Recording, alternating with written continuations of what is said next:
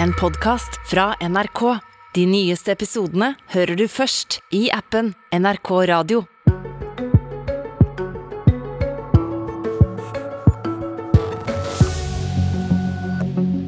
Navn, Olav Skjenn, alder, 44.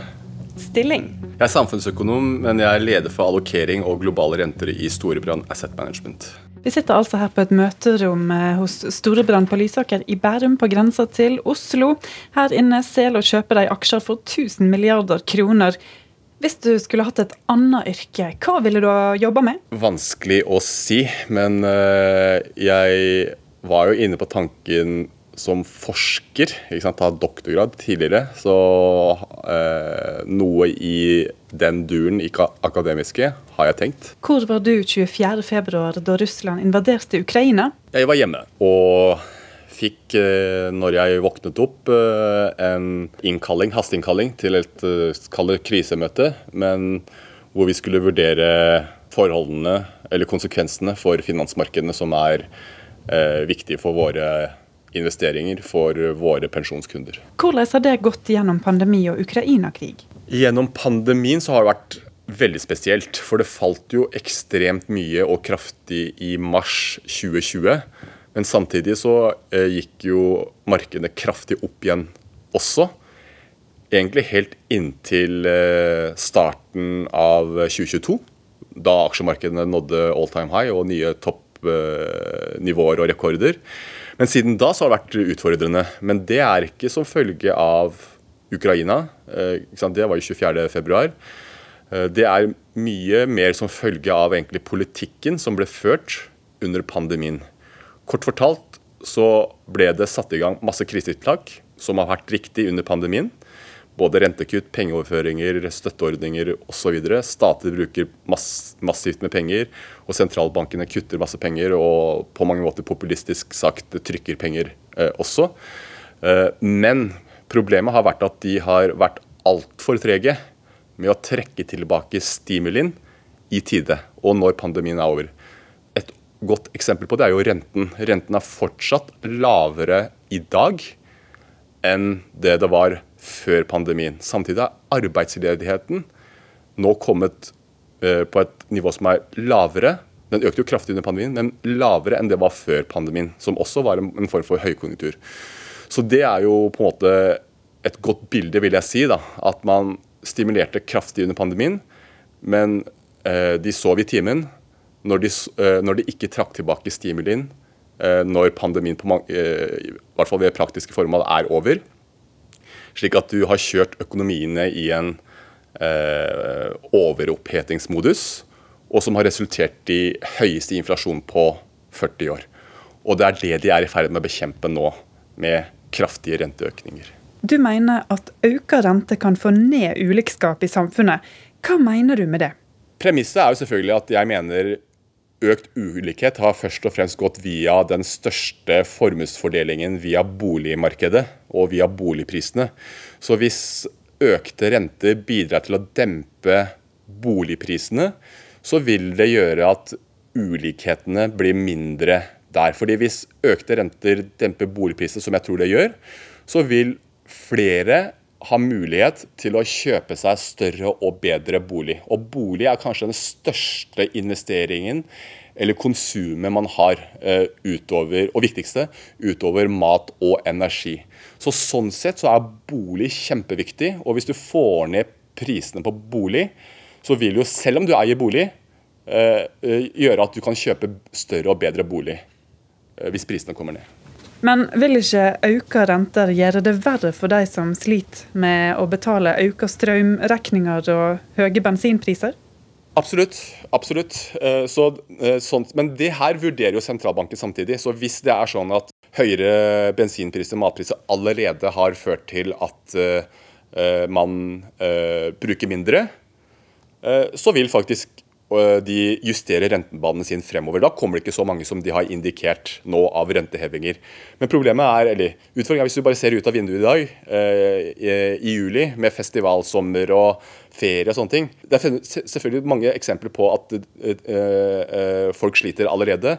Men i sum så er det fortsatt ikke blitt en krise i norsk økonomi. Det jeg tror at Arbeidsledigheten kommer til å fortsette å falle. Servicesektoren blomstrer jo. Det er mangel på arbeidskraft i restaurantbransjen. Restauranter har stengt to dager i uka istedenfor én dag i uka, for de har ikke kapasitet til å fylle opp servitører eller kokker. Eh, det er kaos på flyplasser fordi alle skal ut og reise. Hvis det virkelig er krise, da, hvorfor er det så mange som skal ut og reise? Går går på restaurant, restauranter, så er det fullt nesten overalt festivaler. Det er festivaler hver eneste dag eh, gjennom sommeren eh, som er utsolgte. ikke sant?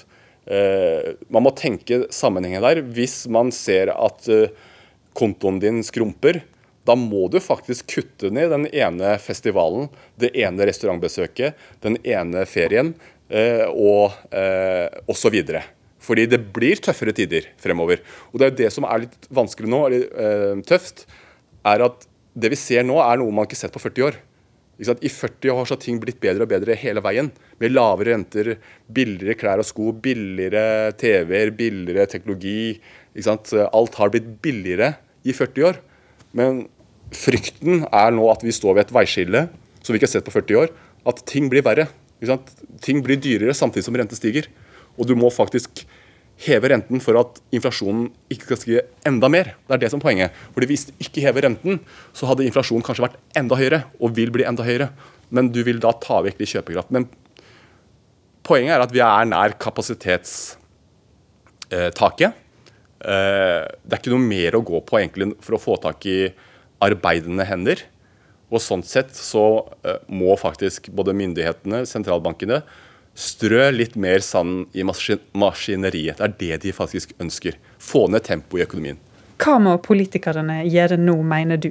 Politikerne må ha is i magen, men de må samtidig erkjenne at økonomien hadde nådd taket, og tilpasse politikken sin deretter for å ikke fyre opp økonomien og inflasjonen ytterligere. Fordi inflasjonen er i bunn og grunn negativt for alle eh, husholdninger, bedrifter, alle. Fordi det er ingen som liker høyere priser på varer, tjenester og inkludert bolig, vil jeg påstå.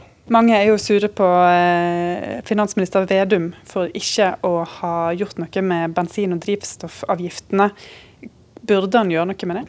Jeg skal ikke uttale meg politisk, men jeg skjønner helt klart uh, uh, hvorfor. Og det er jo fordi Eh, hvis eh, man fjerner naturlige markedsmekanismer, eh, så vil jo det egentlig gjøre at du subsidierer mer, og det vil gi mer kjøpekraft. Så på mange måter så er jo det med høyere bensinpriser en naturlig markedsmekanisme, ikke sant? som har gjort og dratt inn kjøpekraften naturlig. Men man kan ikke basere et samfunn på subsidier. Men samtidig, når det er sagt, så skjønner jeg helt poenget med det også, fordi Norge, AS Norge og Finansdepartementet drar inn rekordmye penger med den andre hånden uh, uh, med høye oljepriser og gasspriser. Så det skjønner jeg har fullstendig forståelse for. Men problemet er at hvis de gir subsidier på alt, så fører det til et subsidiesamfunn. Og det fører til uh, at kjøpekraften bevares i en tid hvor man faktisk ønsker at kjøpekraften skal bli lavere, fordi vi har en overopphetet økonomi med høy inflasjon. Én ting er jo den økonomiske situasjonen, men det er òg en geopolitisk situasjon med mer spenning mellom USA og Kina om t.d. Taiwan. Hva er du mest bekymra for? Fremover, når du tar på deg lang, lange briller, som jeg kaller det, eh, så er faktisk det du nevner eh, en kjempebekymring. Eh, mye av på en måte de daglige investeringene eller jobben jeg har, er kanskje litt mer kortsiktige i forhold til kjøp og salg av aksjer.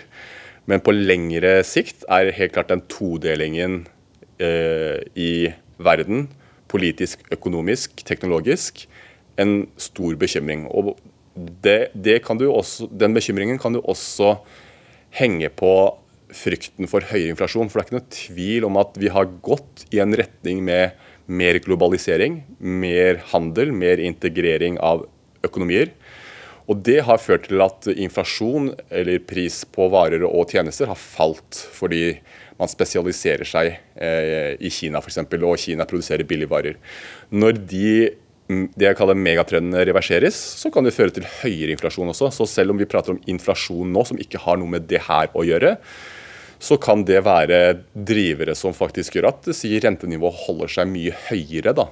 Eh, og den trenden med fallende renter som vi har sett i 40 år nå, kan reverseres også. Og det har enorme konsekvenser for norske husholdninger, som er i verdenstoppen når det gjelder eh, gjeld i husholdningene. Hvor viktig er det nå å få løst Ukraina-krigen for økonomien i verden? Fra et eh, globalt økonomisk ståsted så har det faktisk ikke så store eh, konsekvenser. Men det har mange ulike hva skal vi si, eh, konsekvenser i form av høyere energipriser og matpriser, som for så vidt også forsterker inflasjonen. Men som jeg sa, inflasjonen i USA og Norge var på vei opp lenge før 24.2.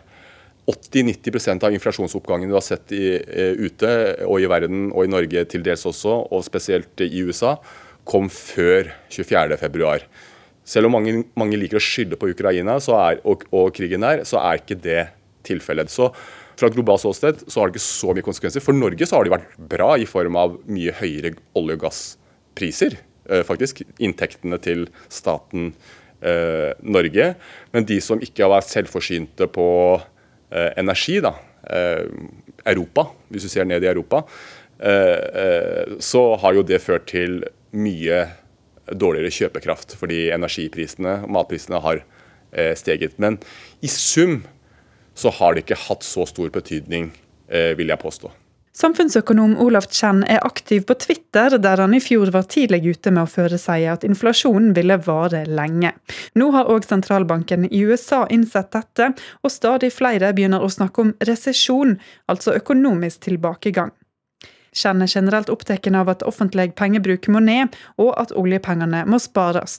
Videre mener han at regjeringa nå må utnytte den sjeldent lave arbeidsløysa til å få flere uføre ut i jobb. Norge er jo ikke bare verdensrekordhaver i uh, uh, høy gjeld, men man er verdensrekordhaver når det gjelder uføregraden. Hvor mange som er uh, uføre. Hvorfor er det flere som er uføre i Norge kontra svenskene eller danskene eller amerikanerne eller eh, europeerne? Vi er jo sunnere, vil jeg faktisk påstå, men allikevel er det flere som er i utenforskap og uføre. Så håpet må i hvert fall være at uh, når arbeidsmarkedet er såpass bra nå, så må vi også klare å løfte flere i arbeid. Fordi arbeidskraft er den viktigste ressursen man har i samfunnet. Og sånn sett er det et, må jeg si, bør være en høy prioritet uh, for regjeringen å benytte den sjansen her og løfte flest mulig uh, fra si uføre til uh, å jobbe igjen. Fordi man skriker etter arbeidskraft i mange sektorer nå. Hvordan kan de gjøre det? Nei, Det må jo være ordninger som eh, gjør det her eh, enklere. Men ikke minst, jeg er veldig glad i insentiver. da. Det må lønne seg også for folk eh, til å komme i jobb. Det må ikke være sånn at hvis Gradvis. Det må ikke være sånn at eh, hvis man begynner i jobb, så tar man vekk uførepensjonen eller støtten umiddelbart. Det må være insentiver involvert i det her. Det er det ene. Det andre er, som er kjempeviktig, å tilrettelegge slik at folk kan jobbe eh, mer. Eh, og der har jo pandemien vist oss at teknologien er der. i forhold til hjemmekontor, eh, Teams-møter og de tingene der. Men det finnes mange ting som jeg tror eh, man kan gjøre for å fasilitere det vi kaller økt sysselsetting, spesielt blant de som er uføre. Har du tillit til at politikerne vil klare å stramme inn fremover? Ja, jeg vil si at jeg har faktisk tro på politikere. I det store og det hele vil jeg si at handlingsregelen har vært den beste regelen for eh, norsk økonomi og Norge og for fremtidige generasjoner. Og er også det som er suksessfaktoren. At oljefondet eh, har blitt såpass stort og er en eh, kjempegod bufferkonto til en regnværsdag hvis det skulle skje noe med norsk økonomi fremover. For dagens generasjon, men også for fremtidige generasjoner lenge fremover.